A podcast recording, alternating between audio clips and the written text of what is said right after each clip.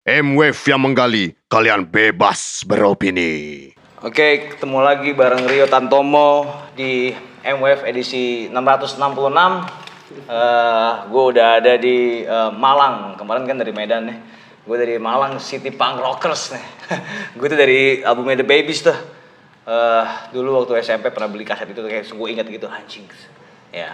Oke, eh, gue udah di Malang udah dua hari ya. Sekarang udah ada di ini nih satu tempat yang eh, impian banyak orang tuh kalau ada checklist punya record store checklist tuh kan ya kan ini ada Rob Gordonnya nih Rob Gordonnya Malang nih yaitu Mas Samak kayaknya nggak cocok dipanggil Mas ya kayak usah, mukanya muka Flores tau nggak ini muka Flores nih Ya, aduh. Iya.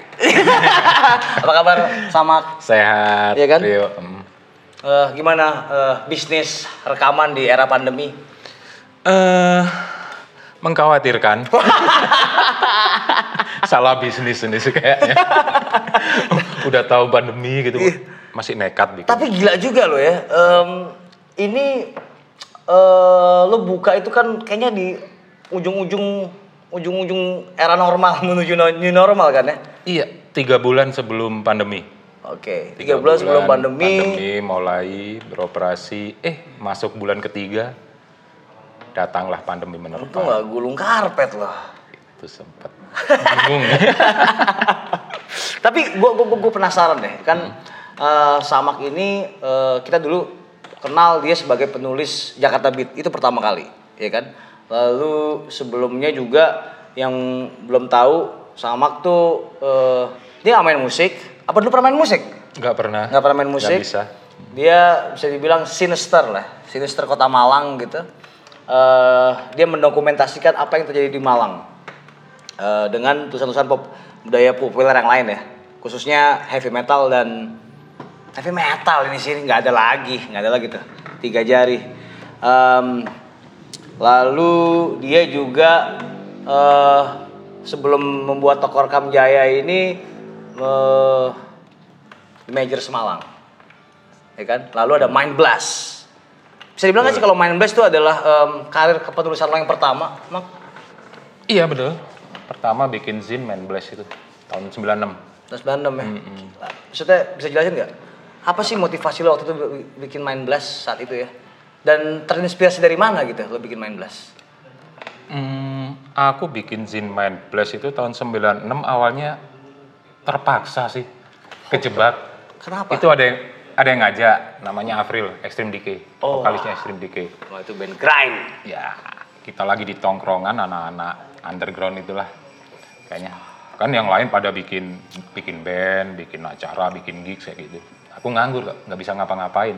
Kemudian si April ngajak bikin zin yuk. Zin apaan itu? Kayak gini lah. Kasih contoh-contohnya. Salah satunya yang paling menginspirasi Revogram buatan Kimung punya dari Bandung. Kimung ya Kimung sama Sonic Torment Yap, Dinan. Dinan Sina Torment Sonic Torment oke terus Almarhum Ivan juga sama ya. Ivan ya. Oke, sebelumnya kita shout out buat Eben dulu ya. Oh Ya, iya, out Eben juga. eh, Rockin Peace lah ya. Terus? Power. Iya dari dari situ sih awalnya. Baru kalau zin lokal baru taunya pada saat itu revogram sih. Sebelumnya mungkin eh, pernah baca lihat-lihat Maximum Rock and Roll, Punk Planet, Hmm, Jelas ya. Proven Existence. Nah, Wah, itu, itu, itu yang paling poli- political tuh. ada paling jahat tuh. Iya benar. Terus Ya bingung.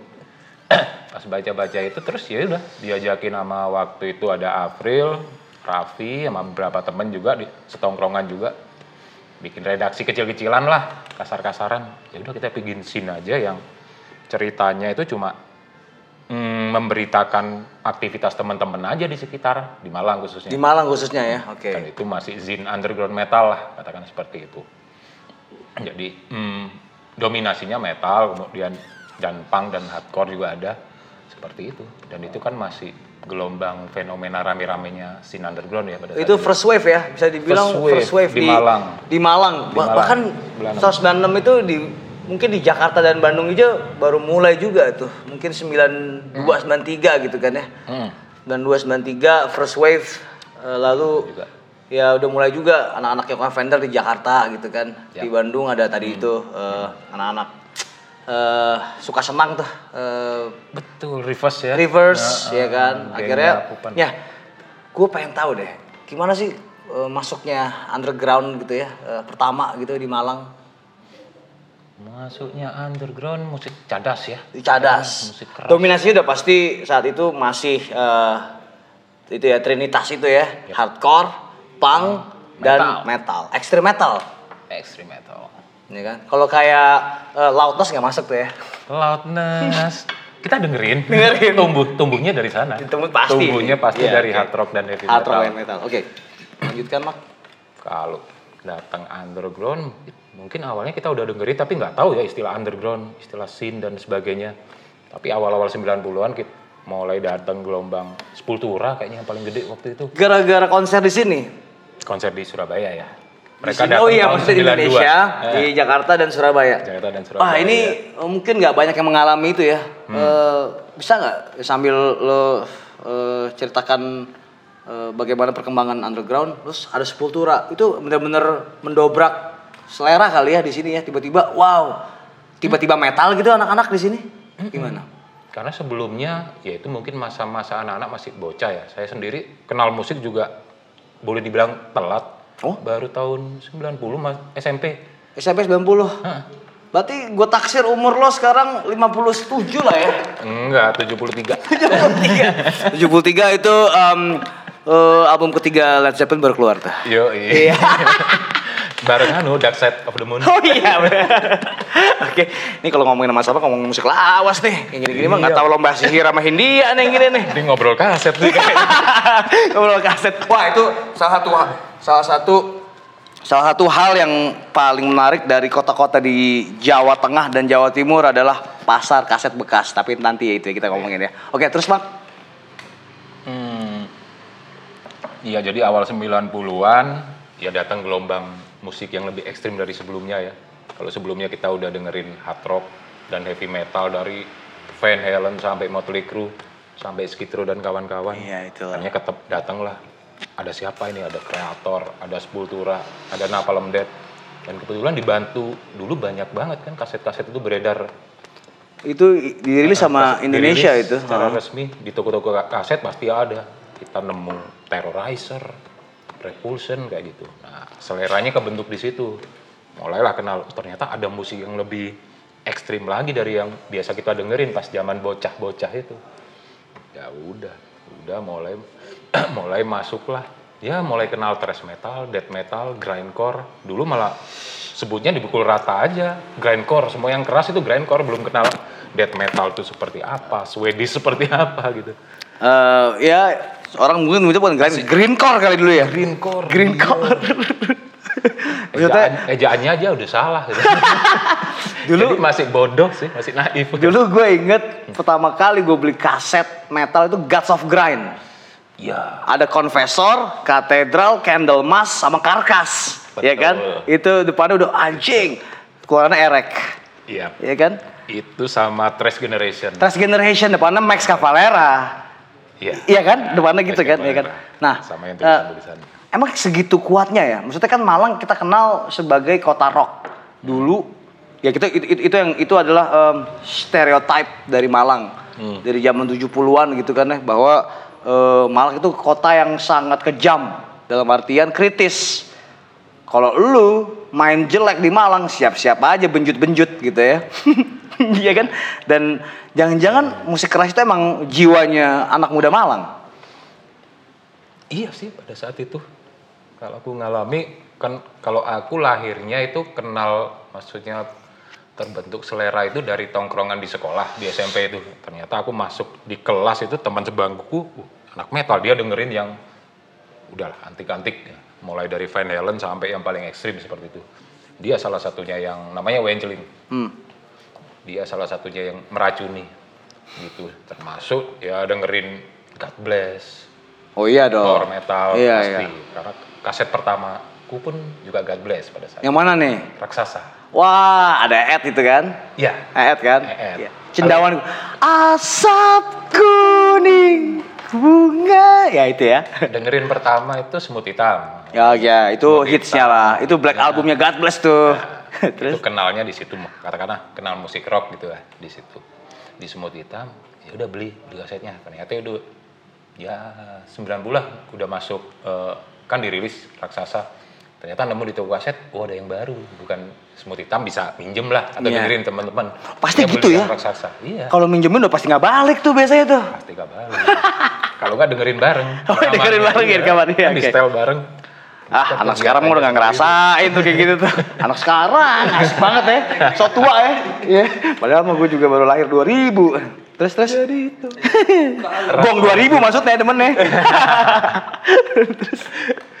ya itu yang bikin makanya lumayan memorable juga kalau bersama God Bless itu dan ternyata kebetulan juga konser pertama yang aku tonton itu God Bless juga God bless. tur raksasa pas di Malang di Stadion Gajayan Itu masih masih masih kritis tuh anak-anak Malang tuh. Maksudnya maksudnya masih kayak eh apa ya kejam gitu. Maksudnya lebih ya ngata-ngatain mungkin atau maksudnya kultur kritis itu masih terbawa nggak sih tahun 90-an? Apa itu terjadi tahun 70-an aja? 90 itu kayaknya 70 80-an sih yang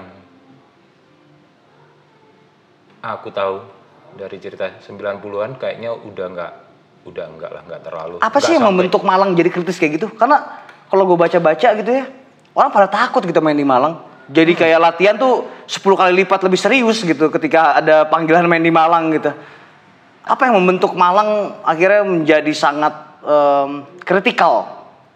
Kala itu kalau cerita dari om-om ya, mas-mas Om-om. yang biasa saya nongkrong itu biasa saya tanggap suruh cerita tentang Gor Pulau Sari dan rock-rock zaman dulu.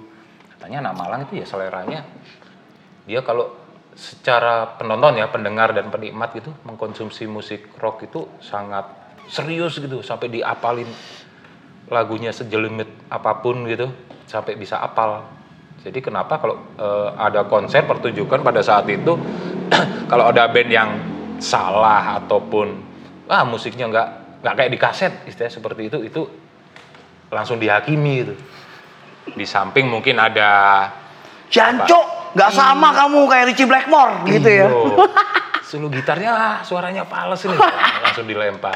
Begitu juga sebaliknya kalau mereka berhasil gitu bagus dapat oplos yang gila juga. Kalau saya pernah dengar Ovan Tobing tuh yang pernah cerita. Wah, itu Legend. itu itu kayaknya John Peel-nya Malang tuh ya. John Peel-nya malah. Siapa kau Avan Tobing ini? Maksudnya bisa lo, lo lebih jelaskan nggak? Ovan Tobing itu penyiar radio di Senaputra dulunya. Penyiar radio di Senaputra, dia punya program rock, dia propagandis, dia ya semacam John Peel di Radio One. BBC. Karena dia eh, menerima pesanan eh, anak-anak Malang yang memutar lagu ya. ya, Ya kan? Kalau John Peel kan dia menemukan Napalm Death loh itu anjir. Yoi. Ya kan? Dan apa fungsi eh bukan fungsi ya. Apa peranan eh, Ovan Tobing itu ya? Kalau gue baca sih lo sering datang ke sana sambil bawa kaset dan tadi puterin gitu. Lancang sekali. Iya teman-teman dulu gitu sih. Ya selain di radionya ya Sena Putra itu juga punya katalog atau diskografi yang cukup komplit juga, mulai dari musik rock progresif dan sampai ke ekstrim ekstrim musik gitu. Sebagian juga anak-anak kadang-kadang bawa sendiri gitu. Mungkin kaset rekaman VSP pada saat itu. Wah, ya, itu Malaysia tuh ya. Ya, itu kan jarang di sana nyetel Dead, nyetel Nyetel Dead Iya, di radio FM. Ih, AM masih. AM. AM. Oh, Snapchat tuh AM. Iya. Oke, oke, oke. Terus, terus, terus. Dark Angel yang disetel DRI. Gila. Ya Terus, kenal-kenalnya akhirnya dari situ. Ada berapa anak, oh kayaknya Sena Putra masih belum punya ini, akhirnya dibawain khusus di pas program musik itu ya, pas musik rock ataupun yang ekstrim musik itu, bawain di setelin di sana. Dan di sana jadi kalau Ovan Tobing siaran kayak konser aja, udah banyak yang nongkrong gitu Wah, di gila. radionya. katanya off. Mungkin ya mirip-mirip pengaruhnya kayak GMR kalau di Iya, Bandung. GMR ya. Mustang mungkin Generasi daerah itu. muda rock gitu. Hmm, Mustang di Jakarta Iya, iya, mirip iya. seperti itu Kalau Jakarta dulu ada ini eh, M97 FM, ya kan? Iya. Yang bawain Hmm. eh, Krishna Sakerhead Nah. dengan suara yang "Hey, kita ada di metal malam-malam. Nama itu namanya nama acaranya metal malam-malam ya. Iya. Nah, katanya si Ovan Tobing ini juga punya suara yang sangat karismatik ya. Maksudnya membara seperti mungkin gue membayangkannya ketika membaca itu kayak Bung Tomo lagi eh, menggelorakan 10 November gitu kan ya.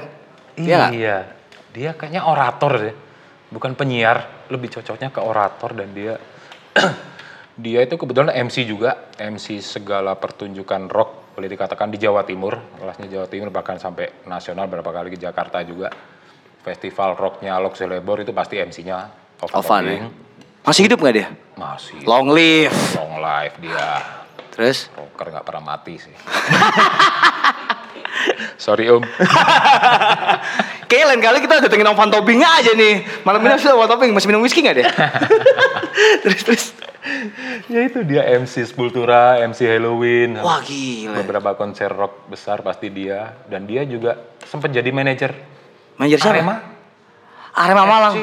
Iya. Oh. Sepak bola dan dia juga MC hostnya setiap pertandingan Arema, makanya kan dari situ Dari situ kebangun, ya. Iya, terbangun jadi ada kedekatan ya. ada kedekatan untuk orasinya, kemudian propagandanya dia kan selain mem- membangun atau mengedukasi penikmat musik rock, dia juga mengedu- mengedukasi supporter bola. Era Wow. itu. Dan itu Malang. itu dua Arema. hal yang nggak bisa dipisahkan memang pada saat itu.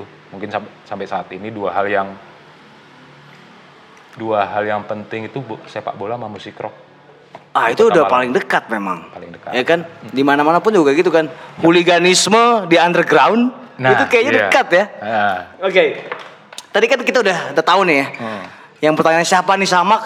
Dia adalah penulis di Jakarta Beat, Main Blast, sampai akhirnya di tahun 2019 ya Mak ya. Hmm? Ya itu ada sebuah buku berjudul Ritme Kota. Hmm. Ya kan? Ini buku em, ada 12 esai. Yep. 12 esai yang men- meng- mendokumentasikan seperti apa wajah eh, Sin Malang. Ya kan? Dan Samak ini adalah editornya. Sebenarnya eh, dari mana sih eh, ide eh, mendokumentasikan Sin Malang melalui buku ini keluar sih? Karena ini penting ya. Tanpa ini gua buta sih sebenarnya Sin Malang. Iya nggak? Masa mesti buka-buka aktual? Udah nggak ada juga aktual. Iya. Mengenai ritme kota. Kalau soal ritme kota itu sebenarnya idenya ya, inspirasi awalnya itu ceritanya itu pas aku sama beberapa temen itu nongkrong-nongkrong sama penerbitnya itu Mas Denny dari Pelangi Sastra. Itu pada saat itu nongkrong Denny Mizwar ya Denny Mizar dari Pelangi Sastra. Pada saat itu nongkrong di Semeru Art Gallery. Akhir tahun 2017 masih ingat? Art, Semeru Art Gallery itu coffee shop kayak gitu tempatnya. Teman-teman biasa nongkrong dan ngopi. Ya udah di situ biasa kita ngobrol kebetulan ngobrolnya awalnya sih soal buku karena dia awalnya Pelangi Sastra itu nerbitin buku-buku sastra lah. Buku-buku puisi dan sebagainya novel dan sebagainya. Kemudian ngobrol-ngobrol bikin buku musik yuk katanya seperti itu. Justru dia dia yang duluan memberikan ide itu. Menarik mas. Kayak kayak gimana? Ya kira-kira musik apa? Ekosistem atau scene musik di Malang itu seperti apa? Itu mungkin menarik itu kayaknya ditulis karena emang belum ada. Ya udah akhirnya ngobrol-ngobrol menarik. Tapi ka- pada saat itu mikirnya eh, kalau mau bikin buku sejarah kayak gitu yang panjang dengan tulisan yang panjang satu dua orang aja yang nulis kayaknya waduh terlalu berat juga. Akhirnya pas pas itu ngobrol-ngobrol seperti apa ya enaknya? Maksudnya formatnya bentuknya? Ini aja mas kan banyak teman-teman di Malang itu yang nulis yang punya zin punya banyak ya? banyak. Banyak ya? Nggak akan nggak akan hilang. Wah. pasti ada lah. Oke, oke, oke. termasuk yang udah pensiun. Pasti ada zin maker zin maker seperti itu. Ya udah mereka aja suruh ngumpulin tulisan tentang pada saat itu temanya pokoknya apa pun lah kita nggak batasin pokok selama itu berkaitan dengan scene musik di Malang. Entah itu soal musisinya bandnya venue gigs bahkan dia sebagai penonton apa apa kita coba cari. Ya udah. Ya udah akhirnya diformat lah. Aku setelah ngobrol sama Mas Denny kemudian dalam perjalanan dibantu juga sama Hilman sama Dewi Ratna pada saat itu untuk menyiapkan itu semenjak akhir 2017 menyiapkan itu artinya kita mulai cari penulis calon penulis cari naskah. Termasuk naskah-naskah misalnya ada naskah yang udah dipublikasikan pun ya udah coba kita masuk Nah masukin ini menarik nih, populasi penulis musik di di Malang gitu ya. Eh ini ada 12 gitu. Ada ada nama-nama yang hmm, tidak gua kenal gitu ya. Yep. Yang gue kenal ada Nova Root yang gue tahu ya, Nova Root, terus ada Agung Rahmat Syah, itu temen-temen gue sih kalau itu. Iya. Dari Jakarta soalnya kan. Iya, iya. Gue kenal sama dia. Lalu em, bagaimana lo mengurasi mereka gitu? Dari, eh, apakah ini semua teman-teman lo? Ataukah lo memang eh, eh, talent scouting gitu? gimana, gimana gimana cara lo mencari ke-12 eh, penulis yang bisa mencerminkan seperti apa Malang eh, berdetak? Waktu itu nyarinya saya dibantu Hilman, kemudian sama Nana ya, Dewi Ratna. Carinya random aja sih. Cuma pada saat itu yang lebih kita utamakan ya, prioritaskan itu penulis baru. Penulis baru, kemudian eh, mereka yang hid- hidup atau menghidupi sena musik ada di sekitar se- sena musik tuh paling tidak sekitar era 9 bulan sampai hari itu, hari ini, seperti itu. Yang kita cari itu aja sebenarnya. Jadi nggak ada kurasi yang kita harus submit atau apa nggak. Kita benar-benar Oh, oke. cari, kita cari sampai browsing di internet, misal di, di blognya teman-teman atau Nggak semuanya lo kenal berarti ya? ini pasti kita kenal sih. Kalau anak-anak Oh. Malang sebagian pasti kita ketemu di gigs, ketemu di tongkrongan. Kebetulan udah udah pada kenal semua. Reputasi udah terkenal di anak-anak. Kita kayak, oh si ini nulis, si ini nulis. Atau si ini pernah tinggal di Malang. Yap. Gitu ya. kita udah tahu kapasitasnya, oh kayaknya ini cocok, ini cocok, yuk kamu nulis yuk. Atau kalau enggak, oh kamu punya tulisan ini, yuk misalnya dikembangin atau seperti apa gitu. Karena kan kita butuhnya pada saat itu kan catatan-catatan yang istilahnya cuma storytelling aja sih yang kita butuhkan. Cerita dari mereka, pengalaman dari mereka, isi personal, feature dan sebagainya. Artikel panjang. Ya, Itu dia, makanya di sini eh, di kata pengantar atau gue su- suka menyebutnya skapur sirih ini ya eh, dari Samak sendiri sebagai editor eh, di Ritme Kota itu ada satu paragraf yang gue highlight nih. Kumpulan catatan di sini memang agak bertabur romantika dan bumbu sentimentalia. Mungkin terbaca cukup sederhana dan biasa saja. Nyaris tanpa narasi, pencapaian yang hebat atau success story. Seperti kebanyakan kisah-kisah from zero to hero yang makin marak dan sudah klise itu. Tapi success story. Ini ada satu kecenderungan dari Sin Malang yang gua catat gitu ya. Bahwa eh, sebenarnya bukan sukses yang dicari di Kota Malang dari para band atau dari para orang-orang, tapi bagaimana eh, keberanian atau nyali untuk berekspresi gitu ya. Sukses urusan nomor tiga lah atau nomor 112 satu lah gitu ya. Jadi ya ya eh, jangan-jangan emang itu ya sebenarnya jiwa dari Malang itu selain rock tadi adalah berekspresi susah atau enggak belakangan gitu ya Hmm. gimana menurut lo Mak? Iya, enggak. Pas awalnya itu kita mikir kita mau bikin buku tentang buku tentang sin musik Malang. Apa sih yang bisa diceritakan tentang sin musik Malang? Menarik enggak sih buat orang-orang di luar? Buat pembaca seperti itu. Kita mikir kita ini nggak punya maksudnya pencapaian yang hebat kayak gitu. Katakanlah misalnya seperti Bandung dengan Pirsa Turdenya dan lain-lain, kita nggak punya nggak punya hal-hal yang seperti itu. Kita berjalan secara dinamis saja dari tongkrongan ke tongkrongan yang pasti ada cerita akhirnya kita mikir oh ternyata tapi setelah ngobrol-ngobrol sama teman tapi itu perlu dicatat meskipun kita nggak punya pencapaian yang hebat banget ya yang penting banget gitu untuk diceritakan tapi semua semua itu ya ya ada mungkin beberapa tapi kan nggak selalu. Kita maksudnya nggak nggak terlalu mengharapkan pencapaian yang hebat yang harus kita ceritakan tapi pengalaman aja storytelling sih intinya. Coba kamu ceritakan karena narasi yang paling penting itu. Sebuah kota kan harus mestinya mem- eh, punya narasinya sendiri tentang peradaban musiknya tentang kondisi ya budaya budaya populer yang ada di kotanya apa pun itu ternyata berhak juga dan itu saya banyak ngobrol juga sama teman-teman di sekitaran Malang di sini yang sering nulis dan kemudian yang paling yang paling banyak saya ngobrol itu sama Kimung. Kebetulan Kimung itu kan pernah bikin buku panjang Dina Galur itu Iya, iya. yang cerita tentang Ujung Berung. Kenapa sih Ujung Berung itu harus diceritakan? Kenapa Bandung kemudian harus diceritakan seperti itu? Duh, iya, karena itu menyangkut masalah peradaban gitu. Entah kita bukan bermaksud untuk romantika sejarah dan sebagainya bukan masalah itu, tapi hal-hal seperti itu itu nggak belum tercatat gitu. Dan itu katanya sih sangat penting buat peradaban musik Itu yang Katanya. katanya, katanya penting banget. Dan Tapi- kita Oke, oke. Dan sangat penting memang. Bukan katanya, malah kenapa Hmm. gua garis bawahi bukan katanya. Itu pasti Ternyata sangat penting ya? Sangat penting karena eh, bahkan eh, di Jakarta aja baru-baru ini juga Hmm. banyak keluar eh, dokumentasi entah dari buku-buku foto ya Hmm. kan? atau misalnya biografi mengenai bagaimana sejarah Jakarta gitu ya Hmm. Khusus- khususnya scene independen itu baru-baru ini juga ya. jadi kesadaran akan literasi di scene kita gitu ya Hmm. Indonesia yang eh, penuh dengan nusa dan bangsat ini gitu kan ya Hmm. itu baru-baru ini aja gitu kan jangan-jangan kesadaran literasi itu terlambat kita menyadarinya ya makanya terlambat.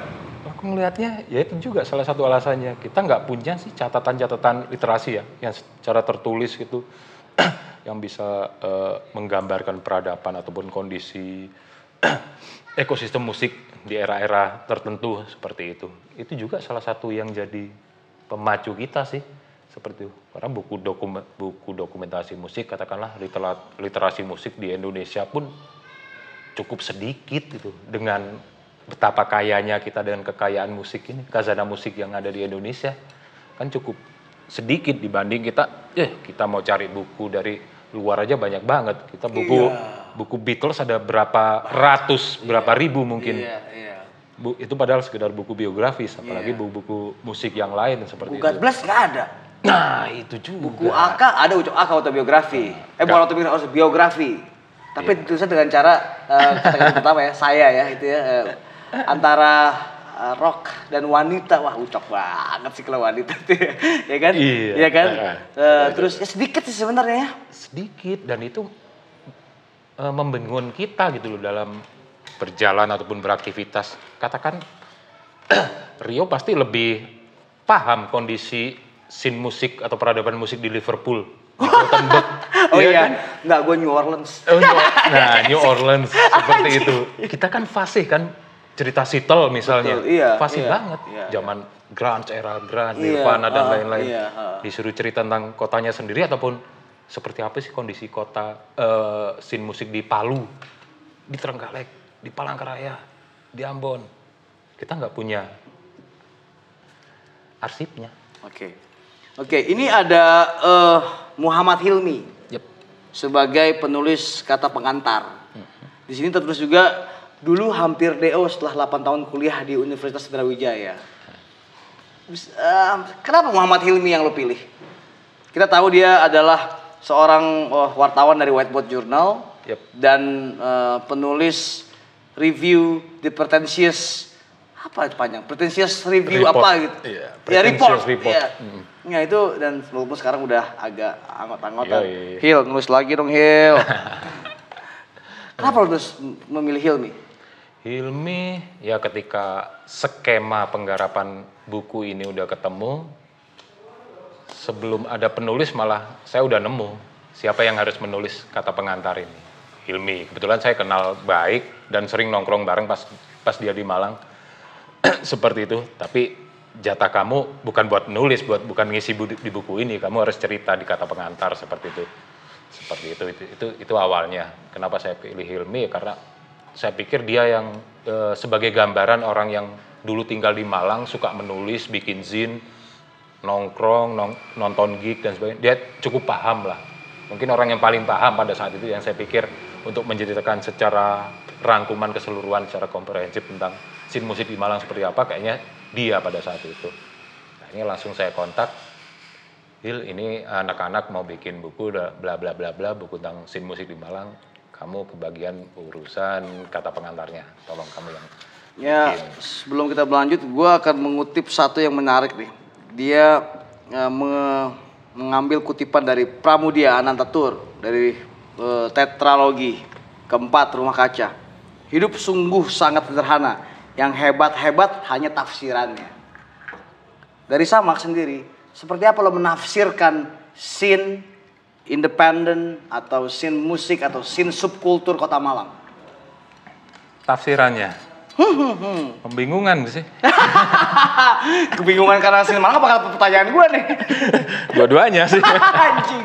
Oke, terus Tafsirnya seperti itu sih. Pada akhirnya saya memahami Sin Malang itu seperti pada akhirnya ritme kota ini, seperti apa yang ditulis-tulis di teman-teman di ritme kota ini, bahwa kita punya banyak perspektif, perspektif dari penulis, perspektif dari zine maker, dari musisi atau anak band, dari penonton, bahkan kan ada juga semua di sini.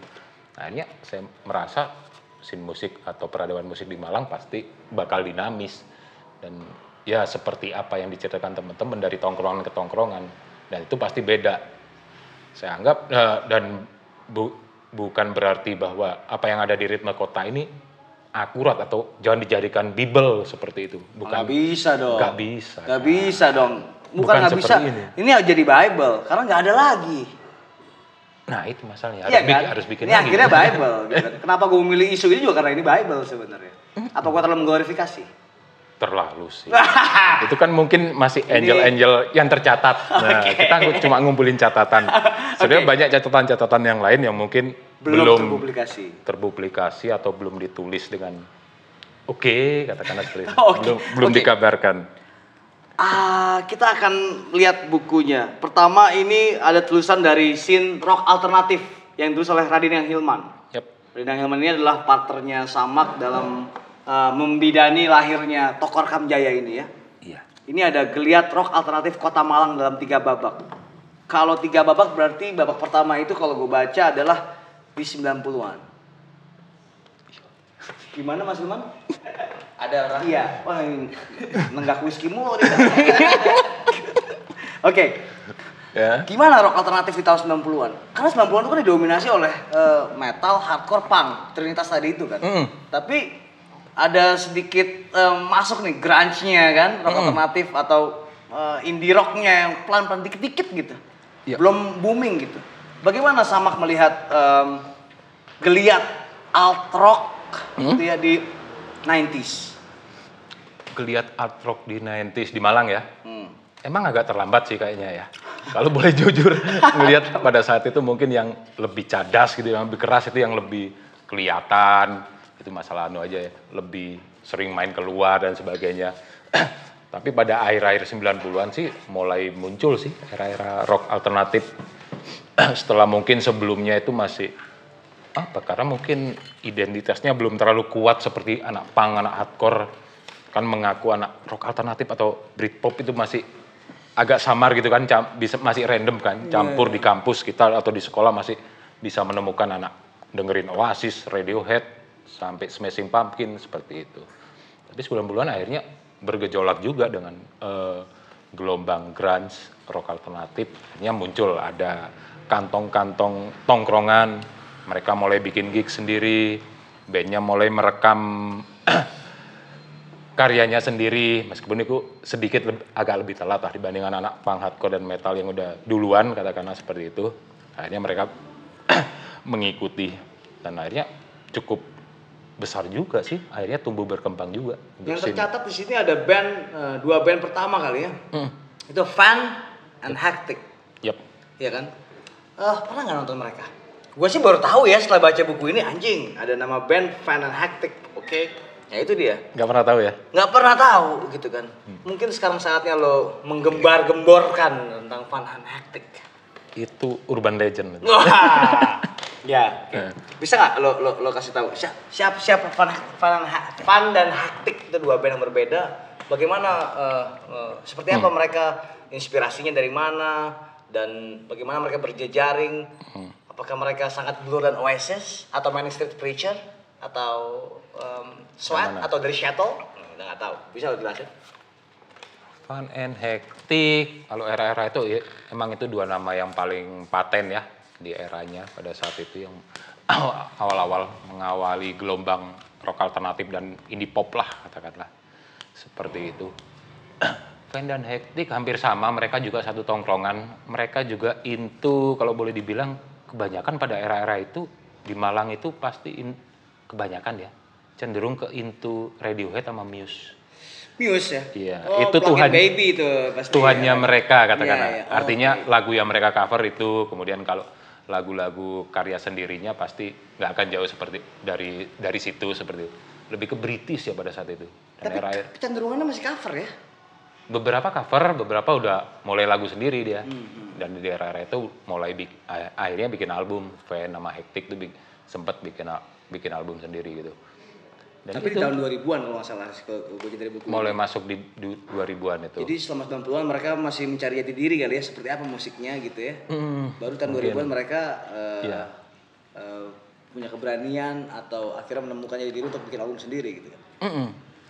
Dan sebagian dari anak-anak itu yang memainkan atau tongkrongan alternatif rock dan indie rock juga awalnya ternyata anak punk atau anak-anak hardcore atau anak metal yang beralih menemuk mungkin menemukan pencerahan dari Radiohead atau Manic Street Preacher atau The Cure seperti Iya, itu. iya, iya.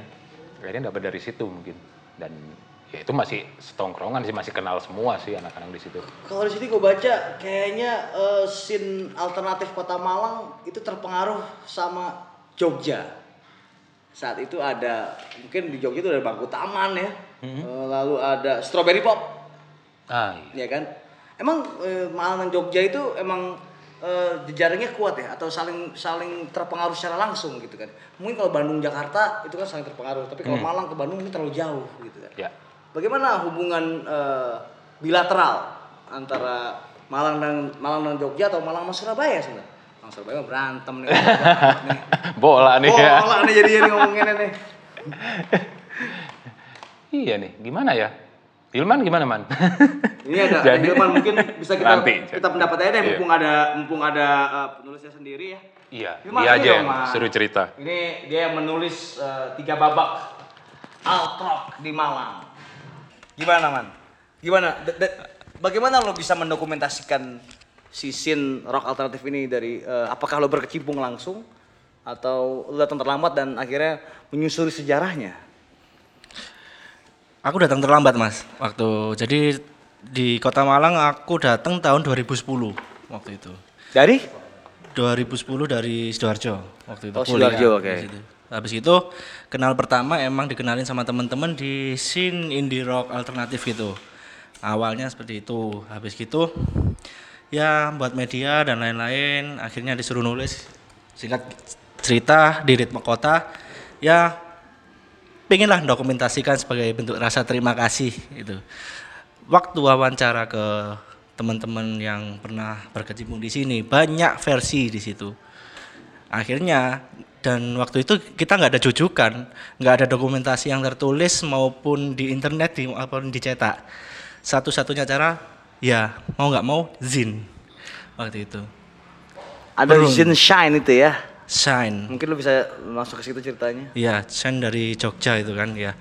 Nah, teman-teman Oh Jogja bukan Malang ya itu? Sen dari Jogja. Oh gitu. Oke Iya. terus? Waktu itu teman-teman ternyata alternatif pertama Van Hektik itu tongkrongannya di namanya di Gambuta. Hmm. Di situ mulai ketemu lah siapa yang dulu nerbitin zin, siapa dulu yang bagian dokumentasi ketemu akhirnya satu-satu sampai era-era 2000 2010 2011 lah. Waktu itu ketemu akhirnya mulailah aku nyatet berdasarkan arsip zin itu, Mas. Oh. Oke. Terus kalau kembali lagi ke pertanyaan Jogja sama Malang, ternyata di arsip pertama-pertama Jogja di skin alternatifnya, di sini alternatifnya, alternatifnya itu ada hubungan antara Jogja dan Malang. hubungan erat gitu ya, saling mempengaruhi atau Eh, kayaknya lebih ke apa ya? Mertamu Jogja datang Apa ke itu Malang. Kamu mas? Jogja datang ke Malang bikin gigs. eh, Oh, saling mengunjungi. Iya, gitu. Dari teman-teman yang dari sini alternatif pertama juga cerita dulu emang deket banget sama teman-teman dari Jogja waktu itu yang emang kebetulan tumbuh kembangnya hampir bebarengan gitu ceritanya Bicara uh, alternatif pada Malang Sapop. Ini eh, gua rasa dari eh, label Sapop ya kan, dari Seattle kan, ya kan. Eh, siapa sih inisiator dari Sapop ini? Sapop Malang ini ya?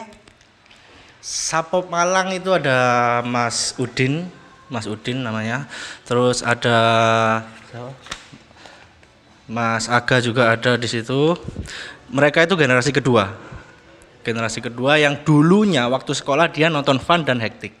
Nongkrong di Gambuta waktu sekolah, habis gitu terinspirasi bikin acara, bikin event organizer namanya Walang Sapop. Begitu ceritanya, Mas. Itu jadi generasi kedua yang bikin ngor- ngorganisir acara-acara yang emang konsentrasinya di musik-musik alternatif. Gitu. Ada satu nama yang eh, sang- sangat familiar kenapa? Karena gue sering eh, melihat katalog kaset bekasnya. Rusli Hatta. Ya itu wah dia kan tukang jualan kaset tuh kan. Dia jual Jesus and Mary Chain, jual New Order. Wah itu gawat tuh. Jualan gitar juga dia, gitar Jaguar dia jual tuh. Ya kan. Dia gitaris dari Becus. Bikasa. Ya, Bikas atau Becus? Bikas. Oh bukan karena Becus ya. BC Oh. B E C U Z. Ya. Becus. iya, iya. Oke. Becus nih gimana? Apa merupakan salah satu uh, first wave dari uh, indie rock alternatif uh, Kota Malang? Mas Rusli Bikas kalau Bikas Bekas. Bekas Be- itu. kaset bekas oh dasar emang udah. Iya. Bikas itu enggak kalau dikatakan gelombang pertama kayaknya enggak. Enggak ya? Iya. Tapi Mas Rusli itu aku kenal Mas Rusli pertama dia nulis di blog apa? Apokalip dulu ya. Dia nulis kebanyakan nulis alternatif di situ. Dan koleksinya juga waktu itu kebanyakan musik-musik alternatif.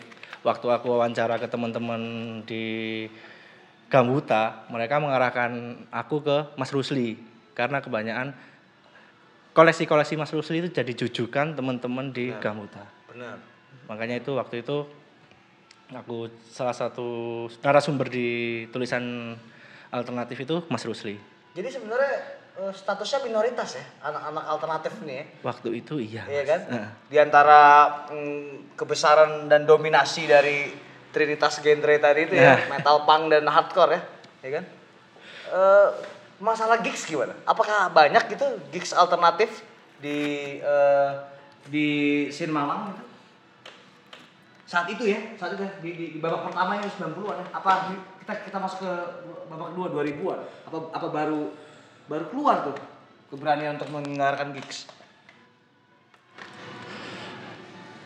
Kalau gigs awal-awal itu kebanyakan di mereka mainnya kalau nggak di Gambuta, bikin acara sendiri di tongkrongan itu, dia main mereka mainnya di kampus-kampus menurut cerita-cerita teman-teman awal itu.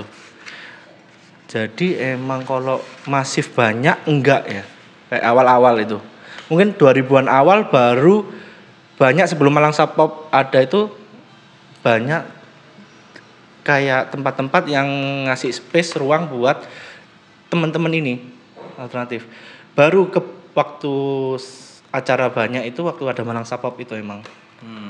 Dia bikin telepop, The Rock of the Pop, edisi-edisi itu mulai banyak itu waktu di generasi kedua. Kalau generasi pertama ya itu dari kampus, kalau enggak dari Gambuta sendiri teman-teman bikin acara intim buat teman-teman sendiri gitu. Itu. Kalau acara telepop gimana telepop? Telepop. Iya. Kalau telepop itu diorganisir Malang Sapo pertama emang. Emang acara emang buat nyatuin temen-temen yang waktu itu tongkrongannya terpencar. Begitu. Jadi ada yang di Pulau Sari, ada yang di Bang Ben, waktu itu ada tongkrongan-tongkrongan. Ternyata waktu itu ada di Sawo Jajar itu ada kafe. Itu mereka nonton ternyata uh ternyata banyak ya band yang satu aliran sama kita. Tapi ke mana semua ini waktu ada acara. Akhirnya tercetuslah Telepop itu untuk menyatukan teman-teman di satu gigs waktu itu. Sampai akhirnya Telepop regenerasi terus. Jadi nggak yang megang bukan Mas Aga, Mas Udin akhirnya turun ke generasi ketiga itu waktu 2011 itu teman-teman kuliah mulai dipasrahin. Akhirnya banyak band-band baru teman-teman yang mengikuti perkembangan zaman mulai dari kampus. Kalau dulu kan yang main mungkin rata-rata anak Malang. Maksudnya yang emang lahir band yang lahir dari tongkrongan. Sampai kelama-lamaan telepop itu dihadiri band yang lahir dari kampus. Berkembang sampai gitu sampai akhirnya telepop dijadikan jujukan bah kalau main di telepop ini ya musik alternatif harus main di telepop waktu itu Gitu mas. Oke mas. Terima kasih ceritanya mas. Sama-sama mas. Saya lanjut sama veterannya nih mas. Oke. Veterannya mas Samak nih. Makasih mas. Nah, em, ada satu nama dari Altrock itu ada The Morning After. Dan Samak ini eh, sempat menjadi manajernya. Ini salah satu yang paling mencuat dari eh, scene indie indie rock ya, bisa dibilang ya. Eh, bagaimana lo eh, bisa memberi pandangan terhadap The Morning After eh, di scene Malang sendiri gitu ya? The morning after ya. Saya nemunya nggak sengaja itu. Wah nemunya nggak sengaja, kayak nemu kaset Halloween di di toko kaset atau nggak lo? Atau nggak gue ada ada ada antologi lurit tuh di situ gue lihat, kayak kayak nemu nggak sengaja gitu. loh. Enggak, waktu itu nemunya eh, awalnya saya sih pernah nonton, saya masih ingat pertama nonton Morning After itu di acara Rengeng-rengeng. Itu acara acaranya N di bulan puasa gitu Ramadan di di jalanan gitu, acara ngabuburit seperti itu. Saya masih ingat dia mengcover lagu Smashing Pumpkin yang Tonight Tonight. Wow, Panci itu kan orkes orkes orkestra gitu. Iya. Kebetulan aku suka Smashing Pumpkin banget. Uh, ada ya band yang cover ini dan dan bagus gitu covernya. Kemudian dia juga bawain lagunya sendiri juga. Uh, keren juga ini band ini. Akhirnya eh, sempat ke notice, belum kenal pada saat itu. Sempat ke notice, ke- terus baru kenal, kemudian jalan beberapa lama juga baru tahu kabarnya. Oh ternyata mereka itu ikut LA Indie Fest pada saat itu 2007 2007 LA Indie Fest dan lolos jadi 10 besar bareng Bangke itu Millionaire dan macam-macam lagi kemudian udah sampai situ saya belum kenal sih awalnya. Kemudian tahun 2008 mereka bikin album Another Day Like Today yang keren banget. Itu ternyata sialan ini bagus banget. Dan itu rilisan Lil Fizz ya Agus Sasongko pada saat itu. Mm-mm. pada saat itu dan kayaknya baru 2008 aku kenal mereka. Baru kenal akhirnya ngobrol oh ternyata satu kampus juga dan ternyata masih ngeling lah masih satu tong- tongkrongan. Dari situ udah banyak sering-sering ngobrol nongkrong sering nonton konsernya juga beberapa gigsnya gitu. Seperti itu sih. Akhirnya kenal akrab-akrab dan justru saya baru kalau dikatakan tadi memanajeri ya jadi manajernya itu justru tahun 2012 aku baru. Berarti ya? baru lama itu pun setelah mereka artinya 2008 mereka mengalami apa ya pencapaian yang lumayan mereka main ke mana-mana. Membuka band asing siapa juga ya waktu itu ya di Jakarta pada saat itu. Snow Patrol kalau nggak salah. Eh, iya sempat sempat main Snow Patrol acara LA juga ya. Dari situ mereka juga sempat lama di Jakarta juga untuk ngurusin industrinya karirnya seperti itu udah selepas itu cuma sekedar kenal-kenal aja karena sering sering main juga. Drummernya juga suka metal juga masih sering nongkrong. Apa kabar sebenarnya Morning After? hari ini? Gak kedengeran. hari ini One hit wonder gak sih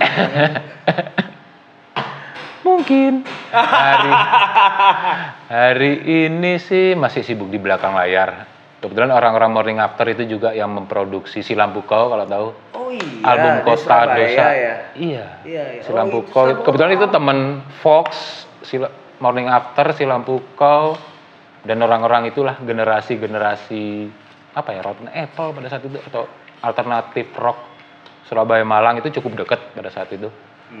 Jadi Hmm. Gak kayak bola tuh berantem ya? nggak kayak bola pada saat itu makanya sangat dekat salah satunya mereka banyak bantuin untuk produksi rekaman si lampu kau kemudian produksi rekaman beberapa band Malang juga karena kebetulan anak-anak Morning After itu bukan anak komunitas bukan anak tongkrongan sebenarnya dia anak nerd yang di studio anak studio musik ada studio musik banget tuh anak nerd. iya Iya nggak sebenarnya sih? Iya kan? sebenarnya iya. iya? Iya sih, iya kan? Seperti C berapa 60 ya, Ya. dari sana C Hmm. lima, C lima, lima, lima sembilan. lima sembilan ya, Iya, ya, betul. Nah, kaos dong nih. Iya. Ya kan seperti itu. kan? Heeh.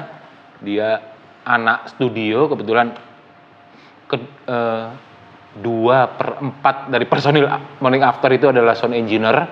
Jadi dia yang ba- sering dapat kerjaan ngerekam, recording, mixing seperti itu. Dia sampai akhirnya ya merekam adik-adiknya, band-band adik-adiknya yang lagi rekaman itu dikerjain sama dia. Mulai dari skri- mulai dari yang metal sampai yang alternatif indie rock juga dikerjain sama mereka. Oke. Lebih sering di situ. Kita akan lanjut ke bab acak dari kota. Hmm, pilih nomor. Oke. Malang City Hardcore dalam dua dasawarsa, dalam dua warsa. Hmm. Hardcore ya. Yap. Hardcore ini uh, sebenarnya genre yang lumayan hmm, bukan unik tapi lebih kayak memberi eh, edukasi positif. Ya enggak bagaimana mak samak melihat eh, hardcore berkembang di Malang Hardcore berkembang di Malang riwayatnya cukup panjang sih sebenarnya kalau hardcore. Kebetulan kalau yang di buku itu yang yang ditulis sama Prana Okta itu dua tahun terakhir ya di era-era itu. Tapi riwayatnya cukup panjang mulai dari era 90-an. Hardcore di Malang itu cukup kuat sih. Di Malang itu ada scene atau daerah sebenarnya. Sebenarnya kalau ngomongin hardcore di Malang itu pasti merujuk pada satu daerah yang namanya Kebalen atau Kot- Kota Lama. Oke di itu situ daerah pusatnya tuh? di situ pusatnya. Boleh dikatakan semua anak muda kayaknya di situ dengerin hardcore gitu. Di situ ada band Breed of Breed of Despair Screaming Factor juga lahir dari Screaming situ. Factor. iya itu lahir dari dari situ juga. Finishing Stroke banyak lah beberapa band. Hindsight kayak seperti itu. Arahnya lebih ke Boston atau LA atau NY maksudnya kalau hardcore, hardcore itu kan selalu terbagi atas em, Hmm. kota-kota gitu ya dan dan apakah dia em, ada straight edge, ada new school, ada old school. Wah, ini ribet nih hardcore sebenarnya kan. Ada ba- banyak subnya gitu kan. Iya, Bagaimana ribet. dengan kecenderungan karakter hardcore di eh, Malang? Hardcore pada saat itu sebenarnya beragam ya. Semua tem-tem itu ada ada anak strike it, ada anak positive youth seperti yang hal-hal seperti itu, ada anak yang evil core bahkan. Tapi kalau kecenderungan di Malang lebih banyak itu malah yang metallic hardcore gitu. Kalau saya lihat dari referensinya Berarti itu new school ya, yang baru-baru tuh ya. lebih Iya. ke new school H8000 nah, H8000 itu yang Iya. dari Belgia kemudian Evil Core kemudian Morning Again mungkin Morning Again, One, ya. One King Iya. One King Down jadi yang dengan riff riff metal riff riff Slayer itu justru itu sih yang lebih gede ya, yang di Malang dibanding meskipun ada beberapa band hardcore yang dia mainin old school kayak Youth of Today atau Minor Threat gitu masih ada Ini di Gedenya di paragraf situ. paragraf ujung-ujung menarik nih. apa Lalu pertanyaannya sekarang, kata Prana Okta ya, Hmm? apakah scene hardcore di Malang sudah ideal? Memang belum katanya gitu. Hmm. Bagaimana lo ngeliat eh, scene hardcore di Malang? Apa apa lo mendukung dengan pernyataan eh, sang penulis memang belum ideal? Gitu? Hmm, iya mungkin kalau belum ideal karena sifatnya yang timbul tenggelam ya. Sempat beberapa ka- beberapa ada di fase-fase tertentu, tahun-tahun tertentu itu sangat gede seperti itu dengan band-band yang bagus, karya-karya yang bagus. Kemudian tenggelam seperti itu. Kemudian muncul lagi dengan nama-nama baru seperti itu. Akhirnya kalau dibilang ideal mungkin secara sebenarnya industrinya se- sebenarnya jalan kalau di hardcore itu. Hardcore itu kalau dia bikin gig selalu rame. Kemudian industri merchandise-nya juga kenceng gitu. Cuma urusan pengkaryaan atau produksi karya rekamannya mungkin yang belum treatment kalau menurutku. Pada belum tertreatment dengan baik seperti itu. Padahal banyak juga band-band yang bagus. Gitu. Kalau bicara mengenai eh, kualitas pengaryaan, Hmm? pasti berhubungan dengan studio. Studio, label, Di label, eh, bagaimana? distribusi. Ya, bagaimana e- ekosistem eh, eh, Malang sendiri ya mengenai tadi ya. Hmm. Mungkin kita butuh produser, butuh studio, butuh sound engineer yang baik gitu kan ya. Hmm. Apakah itu sudah menjadi kesadaran yang mutlak bagi scene Malang menurut sama? Menjadi sih. Sebenarnya sejak dulu itu udah mulai terbangun. Terbangun paling tidak minimal eh, label lah, label rekaman indie ya. Label rekaman lokal itu dan di situ ditulis juga bahkan sejarahnya oleh Fajar kalau nggak salah. Ya, Fajar menulis Adityo. Iya, dia menulis tentang perkembangan label rekaman di Malang yang cukup eh, bergerak dinamis dan produktif pada era itu. Kita sejak 97 udah punya label, udah punya banyak label itu pada saat itu dan nggak kalah sebenarnya dengan kota-kota lain gitu. Seperti itu Tapi dengan yang, men- yang menarik adalah Hmm? tetap mengcopy di tropik seperti anak Bandung. Iya, Iya, iya kan? beberapa Kenapa this sih tropik. tropik? Selalu tropik gitu ya. Apakah karena terinspirasi dengan anak-anak Bandung gitu? Apa tropik itu sebenarnya kan label dangdut sebenarnya. Iya Label kan? dangdut. Iya kan, label, iya kan? Dan kenapa tropik? Kenapa mesti jauh-jauh? Apa di Malang nggak ada gitu?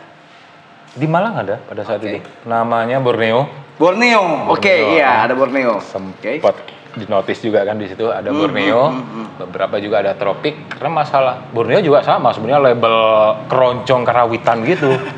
Dia ngerjain itu tapi menerima orderan lah dari anak-anak. Rekamin dong apa duplikasi dong 100 keping kaset kayak gitu. Sebenarnya sama sama tropik juga. Karena mungkin kalau pilihan itu masalah berhubungan dengan harga dan lain-lain ya. Ataupun relasinya. Mungkin ada label yang lebih deket sama tropik ya udah duplikasinya ke tropik. Ada yang dengan Borneo misalnya Confuse Record itu karena udah deket sama Borneo selalu di situ. SID bahkan? Iya, ini gue baru situ. baca nih. hmm, SID eh, sebelum masuk Sony dia di Borneo gitu kan. iya dia bikin demonya duplikasinya ya di sini. Dan dibantu sama teman-teman No Man's Land. Ya, pada saat itu. No Man's Land ini juga salah satu nama yang hmm, mengakar. sebagai band Oi dan band Skin, ya kan?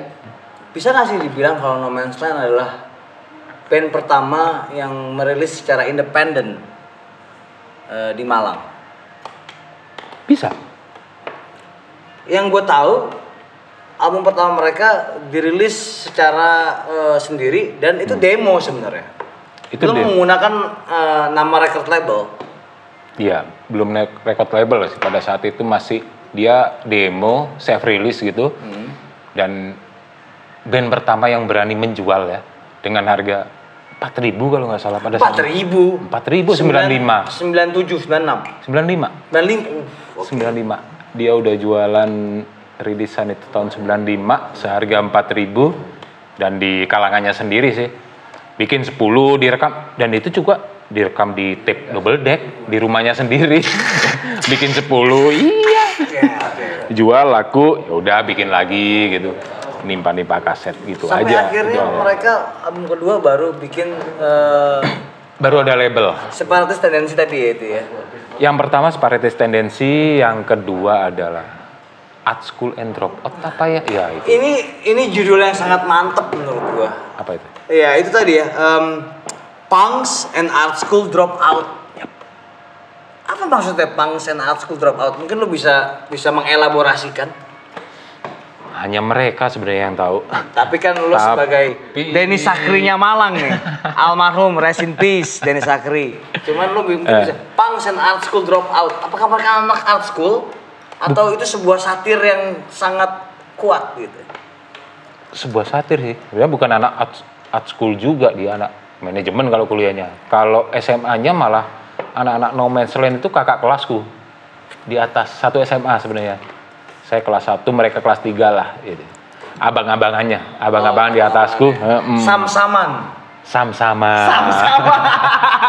Yoi. Oke, sama-sama. abang-abangannya mereka Abang-abangan.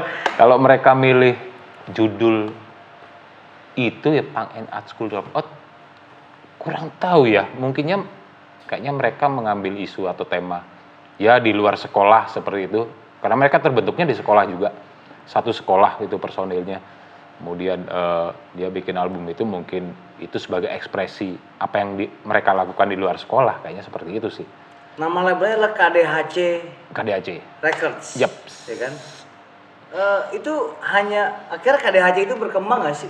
Apa hanya merilis secara eksklusif untuk No Man's Land atau akhirnya mereka mengembangkan mencari roster-roster dari Malang?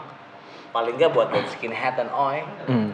KDHC itu singkatan dari Kidul Dalam Hardcore.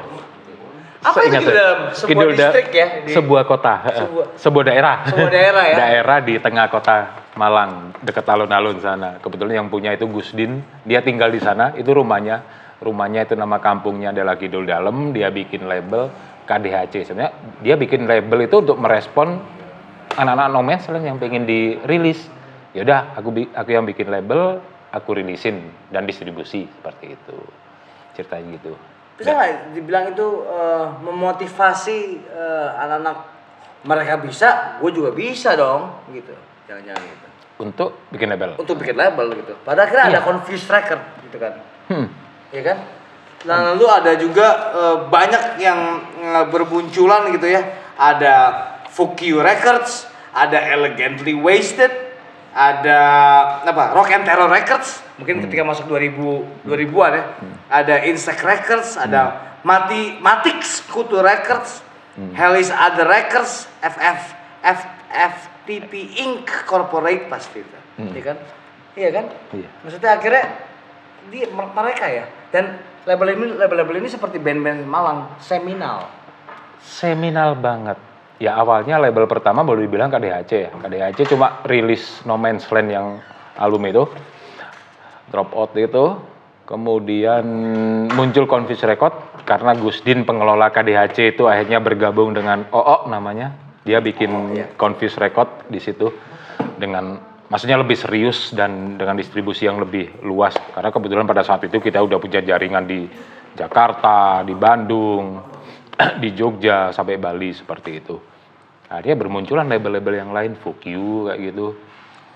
Kemudian FTP, Mati Kutu, sampai banyak beberapa juga masih banyak band yang bikin self release lah, dirilis sendiri mungkin cuma distribusinya nitip ke teman-teman seperti itu. salah satu yang paling eh, gua inget itu adalah Tarung Records sekarang ya Taruh. itu eh, eh, berfokus pada ya punk rock Yep. pasti hardcore dan extreme metal gitu ya bisa nggak lo eh, ceritakan kepada kami Hmm. apa itu eh, siapa itu Tarung Records Tarung Rekrut dikelola oleh Fajar yang nulis tentang Oh, sejarah Fajar Adityo tadi itu ya Iya, yang nulis sejarahnya ini kebetulan Fajar. Dan saya nemu artikel ini sebelumnya itu di blognya Tarung. Di blognya Tarung dia malah dia Fajar yang cerita tentang perkembangan ya sejarah histori label rekaman independen di Kota Malang. Hanya saya ambil dan di sama dia disunting lagi, ditulis ulang dan sebagainya diperbaiki gitu untuk masuk di buku Ritme Kota ini. dia emang eh, Fajar seorang penulis dan pengelola label pada saat itu. Dia juga seorang jurnalis juga, jadi dia eh, dan selera musiknya seperti itu, yang kenceng-kenceng. Seperti iya, dia lebih kenceng sih. dia punk hardcore, power violence sampai grindcore. Dia punya band juga pada pada saat itu. Jadi bisa dibilang kalau sebenarnya ekosistem musik Malang tuh udah lengkap ya. Udah komplit sebenarnya. Hmm. Udah Kok? ada ada semua. Tapi eh, apa yang kalau bisa, kalau bisa bilang apa kendala dari eh, scene musik Malang sih sebenarnya? Tidak ada. Gak ada. Kendalanya, kendalanya apa ya? Secara umum, ya mungkin dalam format yang ideal ya, mungkin masih belum ada media yang sangat ideal untuk mengabarkan peradaban musik di Kota Malang. Ini ini penting. Event organizer yang Ini penting media nih. yang pro musisi atau pergerakan movement di Kota Malang. Mungkin masa-masa sekedar itu. Kalau Kenapa semuanya nggak bikin sebenarnya media aja sih? Maksudnya gini, eh, banyak eh, musisi Malang atau pelaku seni Hmm? Malang yang pindah ke kota yang lebih besar, itu ibu eh, ibu kota ya, Yep. Jakarta dan Bandung, karena merasa media-media di Malang itu kurang punya kekuatan sosial yang bisa mendongkrak mereka sampai ke permukaan gitu kan. Hmm. Dan apa sih kendala Malang? Kendala Malang apa ya? Apa nggak ada jangan-jangan? Sebenarnya ada, cuma ya itu tadi karena berproses dan kecil-kecil seperti itu. kalau dibilang media, media sebenarnya ada, cuma mungkin kurang dipandang mungkin atau kurang dilihat, kurang didengar. Beda dengan misalnya me- kalau media Jakarta atau luar kota yang membicarakan atau yang bilang tentang band dari Malang mungkin lebih anu lebih menarik buat publik gitu. Kalau Malang mungkin dianggap ya sekedar lokal-lokal aja gitu. Ya oh, ini sekedar media lokal dan lain sebagainya gitu. Tapi kalau medianya sebenarnya masih ada, cuma perputaran apa ya? Mungkin yang perlu diperbaiki itu mutu jurnalismenya, jurnalistiknya, Jurnalisme. penulisannya, kemudian klaim yang hilang itu kan klaim kenapa kita masih butuh resensi atau review. Kalian seperti- punya Hilmi loh. ada Hilmi Iya. yang sangat membantu. Tapi Hilmi anak Jakarta loh sekarang. Dia masih Arema sih. oh masih ada. Bisa dititipin. Singo Edan. Iya. Ahmad Bustoni. Anak Kediri sih aslinya. Oh. Cuma numpang di besar di Malang, Christian tumbuh Eloko Gonzalez. Sebenarnya kalau kita ngomongin Malang Eloko. itu kita nggak bisa melepaskan dari sepak bola ya sebenarnya ya. sebenarnya. Iya kan Kadang-kadang sih? Iya ya. nggak sih? Iya kan? Itu masih hooliganismenya itu dari dulu masih masih erat lah sampai apa yang hmm, berpengaruh lah apa yang terjadi di venue pertunjukan sampai di stadion sepak bola. Tapi kita akan bicara hal yang lain. Yoi. Iya, jangan bicara sepak bola mungkin di episode berikutnya. Yoi. Kita akan undang Ovan Tobing untuk ngomongin Arema Malang dan Stadion Gajayana. Oke, kita bicara mengenai em, organizer sekarang. Hah? Ya, di- kalau di buku ritme kota itu ada Dewi Ratna yang eh, bicara mengenai itu. Hmm. Em, sepertinya organizer di Malang ini tumbuh pesat. Tapi mereka eh, yang uniknya adalah memilih venue-venue yang unik seperti em, bioskop. Apa itu bioskop? Em, Kalau Ya, itu dia. Ya kan? Itu yang gue baca di sini adalah dibikin oleh dua anggota BRIMOB. Iya kan? Sebenarnya apa aja sih eh, venue-venue yang eh, menarik? Tadi gue bilang gue ngobrol sama Wanding, ya. Wanding itu eh, keyboardist dari em, Sneaker and the Chicken Fighter, ya kan? Dia sekarang penyanyi folk gitu. Itu ada satu kolektif namanya Titik Dua ya dia bikin kolektif di ya di di tempat-tempat yang unik sebenarnya. Di kamar gitu kan ya. Ini ini sebenarnya ide-ide yang sangat eh, menurut gua terobosan gitu ya. Ya kan? Ada di sini dibicarakan konser Sarasvati. Lalu ada juga konser efek rumah kaca yang sangat sangat eh, wow. Apa ya eh, breakthrough gitu. Ide-ide itu ide-ide itu emang emang emang malang banget ya gitu ya. Terus enggak sih ya? Iya, ide-ide opsi atau alternatif venue itu dan beserta konsepnya itu kan sebenarnya teman-teman berawal dari keterbatasan aja karena nggak ada venue yang ideal, nggak ada gor katakanlah seperti itu. Setelah Pulau Pulau Sari kelar ya. setelah Pulau Sari kelar, akhirnya teman-teman mikir di mana sih bikin acara. Akhirnya oh nemu tempat wisata. Kalau kebetulan yang ditulis di sini Malang Sapop ya, yang organisir itu mereka cari-cari tempat yang menarik, tempat wisata yang mangkrak, maksudnya yang udah Mangkrak. tidak ter apa mangkrak itu, tidak terurus dan sebagainya, tidak Terurus. terawat dan berhenti lama gitu. Akhirnya oh ini bisa nih pakai buat venue di konsep nanti dikasih dekorasi seperti ini, panggungnya di sini, nanti lightingnya seperti ini. Dan kebetulan mere- teman-teman dari Ma- Malang Sapop itu cukup jago juga di urusan itu. Akhirnya mereka bikin konser Sarasvati di Senaputra, kemudian bikin sore di Lembadieng, dan di Kelut itu ada Pandai Besi Pandai seperti Besi, itu ya. dengan dengan semangat karena itu bekas beskop ya, beskop lama misbar gitu. Open air beskopnya Misbar, Eh, Rimis bubar. bubar. gitu. Akhirnya mereka bikin pandai besi di situ dengan konsep sinematik, posternya pun seperti poster film bioskop seperti itu. Tiketnya pun seperti tiket bioskop. Nah, ar- artinya mereka akhirnya teman-teman dari keterbatasan itu mikir gimana caranya bikin suatu gigs atau acara yang konseptual gitu. Salah Itu satunya masih dari sampai sekarang gak sih? masih beberapa. Salah satunya yang nerusin seperti titik dua itu tadi. Titik dua kolektif itu dari teman-teman di Batu. Mereka banyak bermain di open outdoor malah open air. Mereka main di perbukitan, di camping ground, di pantai dengan DJ kadang dan konser punk hardcore dan konser grindcore seperti itu.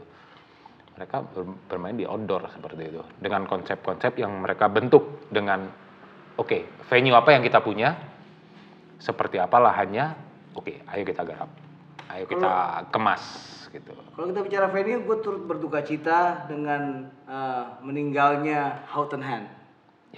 Iya kan? Itu sebenarnya em gue gak pernah ke sana, nggak pernah. Iya, Your itu loss, man. sebuah hal yang memalukan buat gua. Your your loss my itu, man. loss. Yeah. Itu udah pasti my loss. Really. Tapi ya really ya. Tadi gua akhirnya melewati em, gua tinggal eh, di sebuah hotel ketika Malang ini sekarang Ya. tepat berseberangan dengan Hottenham. Ya kan? Pas buat Hottenham, oh itu kecil. Lalu eh, Itu nyindir lo itu. Iya kan? Iya kan? Nggak pernah sih. Bisa nggak lo ceritakan seberapa kultusnya sih Hottenham ini? Biar gua makin iri gitu. Dan makin menyedihkan bahwa gua nggak Iya. pernah ke Hottenham gitu. Hotenen. Hotenen itu sebuah bar aslinya. Sebuah bar atau beer house kata anak-anak. Tapi itu juga kayaknya cuma kedok aja sih. kedok dari Maksudnya temen. kedok itu gimana? Pengelolanya kebetulan itu Doni, Alo, Frit, Ungki. Itu kebetulan anak-anak dari scene musik juga. Dari anak-anak Malang Sapop juga sebagian. Dia kebetulan nemu tempat itu ada tiga lantai. Dua lantai indoor, satu lantai ketiga adalah rooftop gitu, open air dan ya udah ketika mereka mengelola membuat hot and hand di situ menjadi sebuah bar yang jual bir, kopi dan macam-macam seperti itu. Kayaknya di situ hmm, lebih banyak dipakai buat buat gigs atau buat acara buat teman-teman. Itu sejak 2012. Emang emang itulah ya, bisa dibilang zeitgeistnya kota Malang ya. Kalau lo ingin tahu mengenai Malang dan bagaimana eh, kekayaan eh, independent band dari Malang ya, cobalah eh, datang ke Hill Houghtonham gitu kan. Tapi sekarang udah RIP gitu kan. Iya bener ya. Iya, salah satunya itu.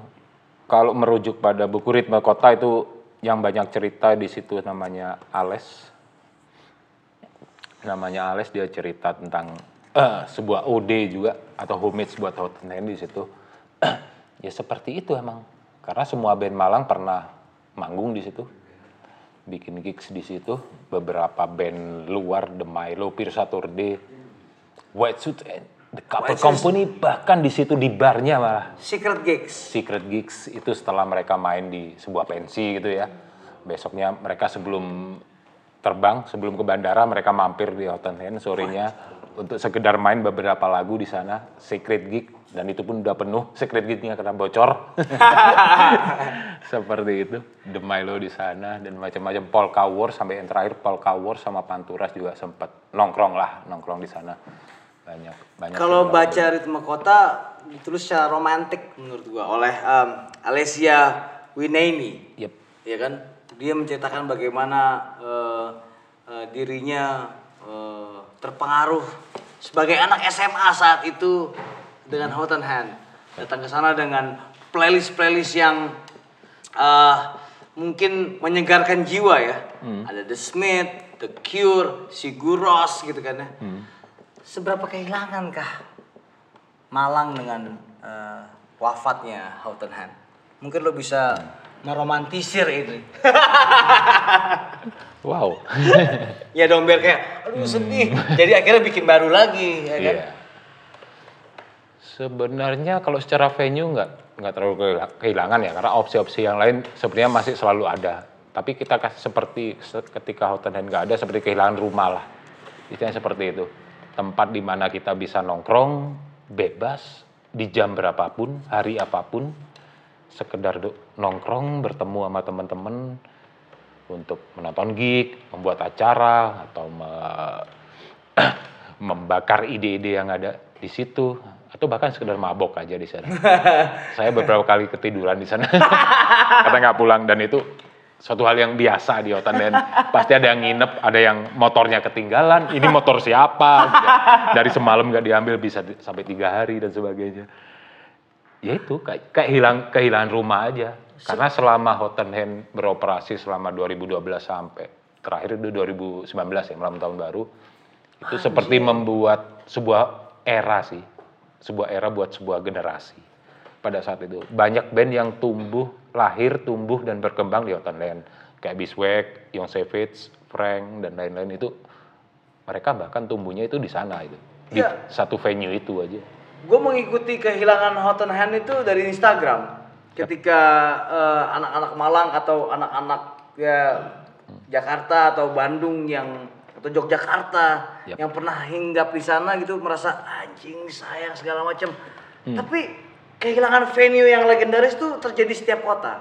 Yap. Di Jakarta kita kehilangan bibis, kita kehilangan park, kita kehilangan poster, bahkan di Bandung ada Saparua hilang gitu kan. Itu sebuah sebuah sebuah apa kerugian besar gitu ya. Tapi penyebabnya apa sebenarnya Hot and Hand itu? Misterius sampai hari ini. Fuck. Ya. Misterius. Apa karena anak-anak beli minuman di luar tiba-tiba datang udah mabok jadi nggak beli minuman. Jadi sebenarnya itu kan klasik ya. Klasik. Klasik banget. Klasik, beli beli tokipan di luar, Iya. minum di luar, masuk udah mabok. Jadi sebenarnya eh, venue-nya gak dapat apa-apa gitu kan. Apa sebenarnya yang lo tahu kenapa ve- eh, venue seperti and Hand itu sampai hilang gitu?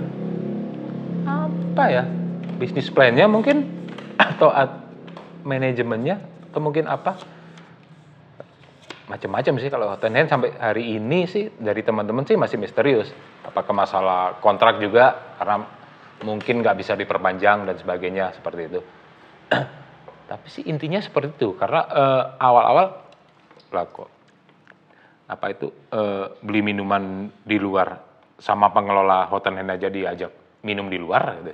Maksudnya beli minuman aja di luar gitu seperti itu. Jangan dibeli sini, ayo kita beli whisky di luar. Masa? Loh, Hilman, Hilman itu tiap hari tiap malam mabok di situ. Waduh, Oke, oke, oke. Atau harga bir terlalu mahal untuk konsumsi anak malam? Enggak juga. Di sana harga bir paling murah di Hot and Hand di Kota Malang pada saat itu. Dan anak minum bir. Tapi kebetulan ya minum bir du, satu dua botol, tapi kan kesukaannya whisky anak-anak. Oke, oke, oke, oke. Eh, Balik lagi Sin Malang. Em, coba sarankan ke gue, mana band Malang yang layak gue dengarkan. Gue orangnya agak pemilih soalnya nih. Coba yang paling mantep dari band-band Malang itu eh, sarankan ke gue, gue mau dengar. Untuk hari ini. Mm-mm. Hari ini, ntar ngintip dulu di sini. Ini sama lagi ngeliat rak-raknya dia nih. Itu satu rak itu Malang semua. Oke, ya, sebutkan. Sengaja. Raknya Malang semua. Iya, itu satu rak Sebutkan. itu. Siapa? Escrodet, mungkin Apa saya- di? Siapa siapa siapa mereka? dia band hardcore baru gitu. Lumayan. Oke. lumayan tuh tai. itu itu itu, itu namanya. Untuk jurnalis, Sebenarnya biasa aja. Aduh, yang mantep Lu. titik exclamation titik. Escrodet itu beringas, Hmm. hardcore-nya. Laissez-faire perlu dicoba. Itu Into Convect sama Dillinger Escape Plan menarik juga.